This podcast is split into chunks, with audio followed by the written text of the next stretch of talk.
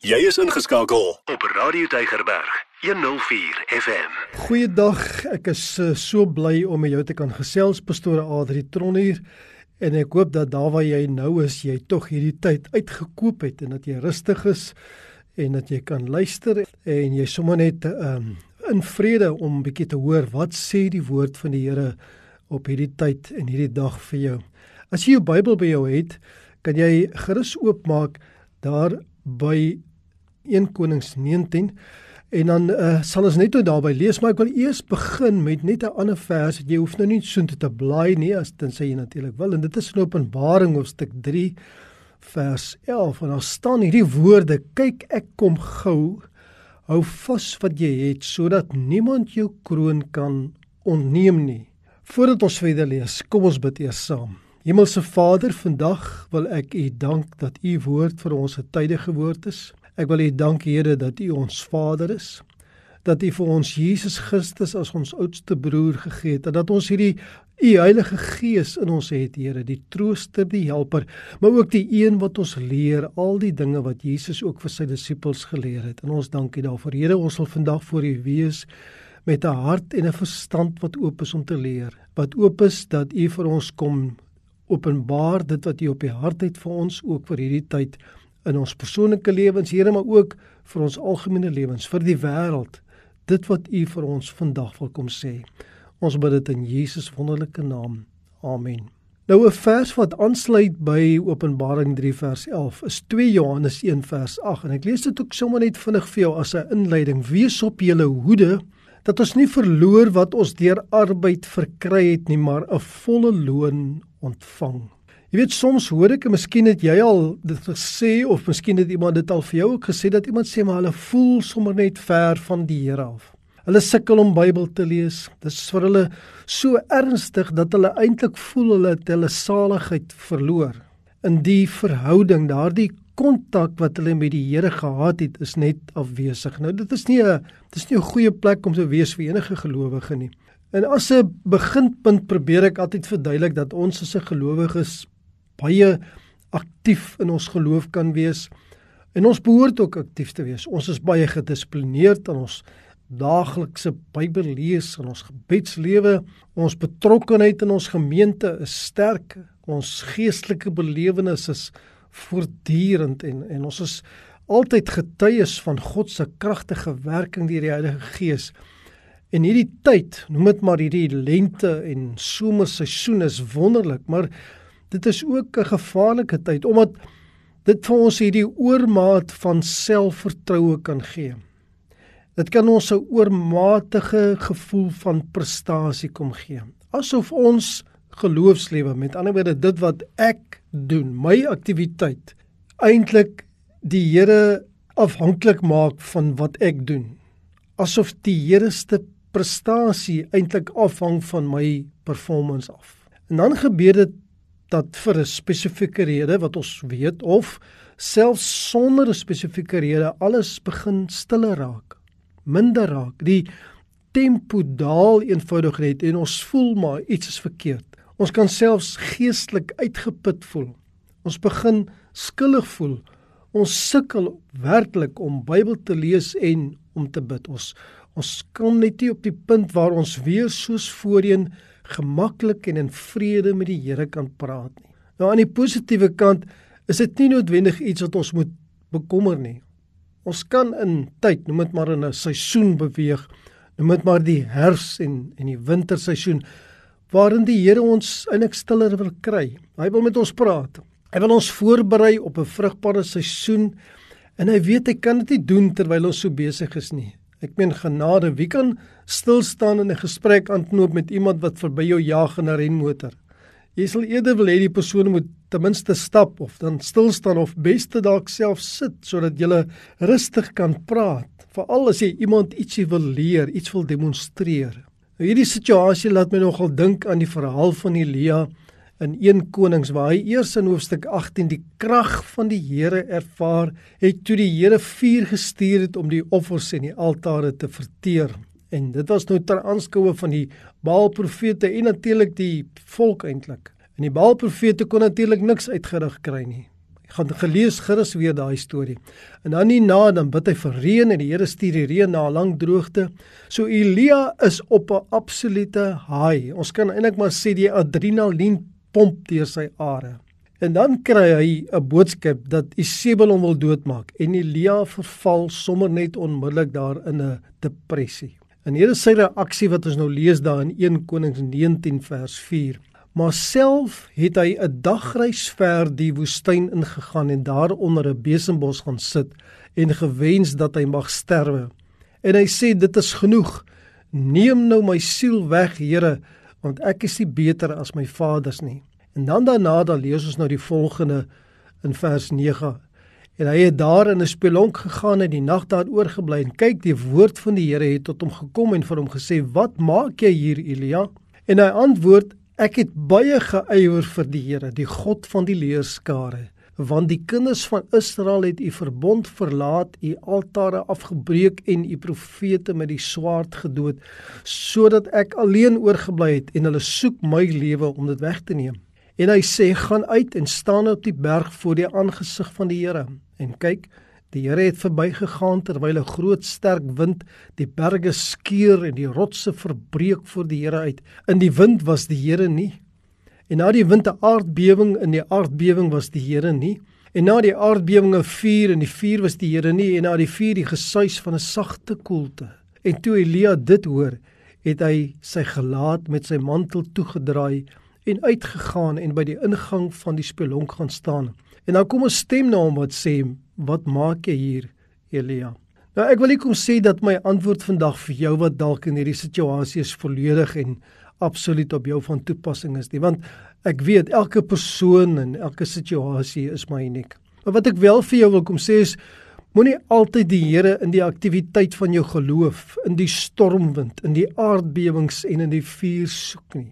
Hy wil homself dalk hierdie keer aan jou vertoon, aan jou openbaar in die gesuis van die sagte koelte waar jy aanbiddend waar jy met jou mantel as dit ware oor jou oë jou gesig bedek en God toelaat om met jou te praat, jou te leer, jou voor te berei vir 'n groter aktiwiteit. Paulus het baie jare later en so in beginsel dieselfde tipe ervaring gehad. Nou lees ons daar in Galasiërs hoofstuk 1 as jy dalk soontoe wil blaai. Galasiërs hoofstuk 1 en ek wil graag vir jou lees daarvan vers 15 af. Maar toe dit God behaag het wat my afgesonder het van die skoot van my moeder af en deur sy genade geroep het om sy seun in my te openbaar sodat ek hom onder die heidene sou verkondig het ek dadelik nie vlees en bloed geraadpleeg nie Dis nogal belangrik. Paulus praat nie met iemand anders nie. Luister wat gebeur. Vers 17 en ook nie na Jerusalem opgegaan na die wat voor my apostels was nie, maar na Arabië vertrek en weer teruggekom na Damaskus. Vervolgens 3 jaar daarna het ek na Jerusalem opgegaan om met Petrus kennis te maak en 15 dae by hom gebly. Paulus het met ander woorde 3 jaar in Arabië in die woestyn en ek gaan bly en daar het die Here homself geleer. Miskien sal die Here vir jou ook vra, wat maak jy hier? Ek bedoel hier die plek waar jy nou is waar jy sê maar dit voel vir my asof ek my saligheid verloor het. Die Here sê dalk vir jou maar jy hoort nie hier nie. Maar dan moet jy bereid wees om na die Here te luister of soos 'n Paulus verloop daar dalk 3 jaar wat tydens jy geleer word en voorberei word vir 'n godsgrootte roeping. Met ander woorde dis 'n dis 'n tyd waar jy nie noodwendig so betrokke is soos voorheen nie. 'n Tyd waar mense dalk vir jou vra en vra maar wat het van jou geword? Ons het jou altyd hier gesien en en skielik is jy nie hier nie. Wat het van jou geword? Ek wil eens vir jou kom sê dat As jy nog met jou hart en jou verstand hier uit jou gees uit bekommerd kan wees oor jou verhouding met die Here, dan het jy nie jou saligheid verloor nie. Eerder is dit 'n tyd waarin die Here jou aandag, jou verootmoediging soek. Hy wil met jou praat. Hy wag net dat jy jou gesig bedek en voor hom kniel en voor hom stil word. Soos ek gesê het, dis die positiewe kant, maar daar is ook 'n negatiewe kant. So kom ek en jy lees eers die volgende saam. Nou kan jy vir my blaai na Hebreërs hoofstuk 3 toe en ons gaan daar lees van vers 7 af. Hebreërs hoofstuk 3 en ons lees van vers 7 af. Daarom soos die Heilige Gees spreek, vandag as julle sy stem hoor, verhard julle harte nie, soos in die verbittering in die dag van die versoeking in die woestyn nie, waar julle vaders my versoek, my beproef het en my weke 40 jaar lank gesien het. Daarom het ek vertorend geword op daardie geslag en gesê: Altyd dwaal hulle met die hart, maar hulle het my weë nie leer ken nie, sodat ek in my toorn gesweer het hulle sal in my rus nie ingaan nie. Sorg daarvoor broeders dat daar nie miskien in een van julle 'n bose en 'n ongelowige hart is deurdat hy van die lewende God afvallig word nie. Maar vermaan mekaar elke dag solank as dit vandag genoem word, sodat niemand van julle deur die verleiding van die sonde verhard word nie. Want ons het deelgenote aan Christus geword as ons net die begin van ons vertroue tot die einde toe onwrikbaar vashou. Omdat daar gesê word vandag as jy sy stem hoor, verhard julle hart nie soos in die verbittering nie. Wie was dit dan wat gehoor het en hom verbitter het? Was dit nie almal wat onder leiding van Moses uit Egipte uitgegaan het nie? En op wie was hy 40 jaar lank vertorend?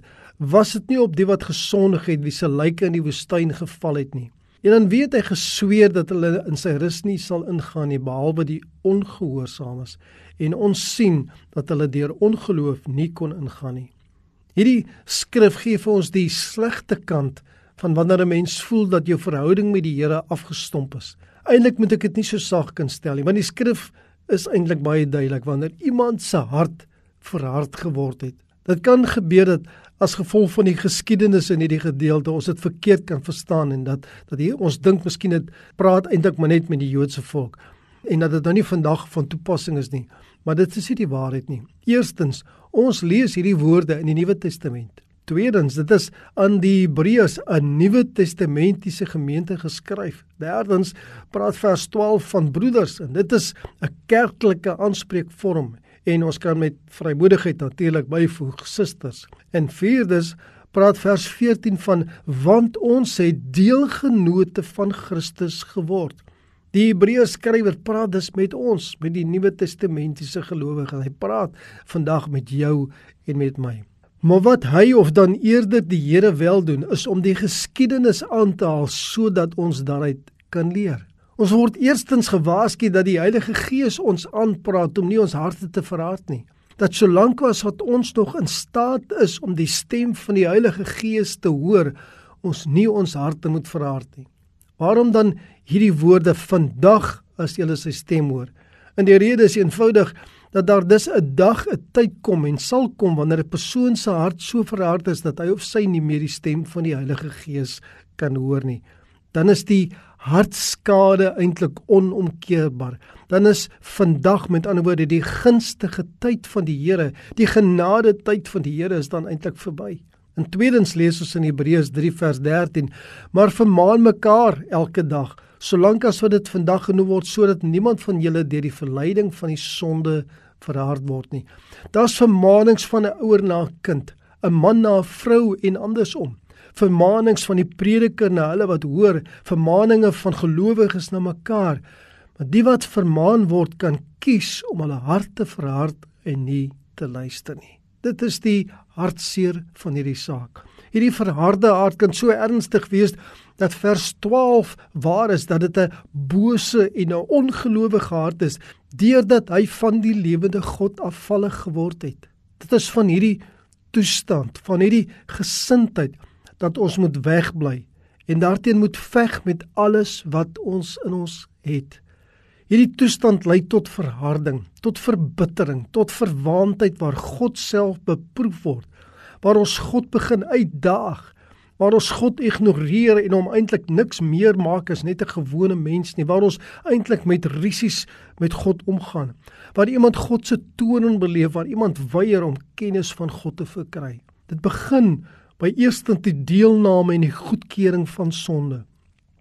Dan volg die verharding van die hart dan volg die ongeloof wat selfs die evangelie van Jesus Christus begin bevraagteken.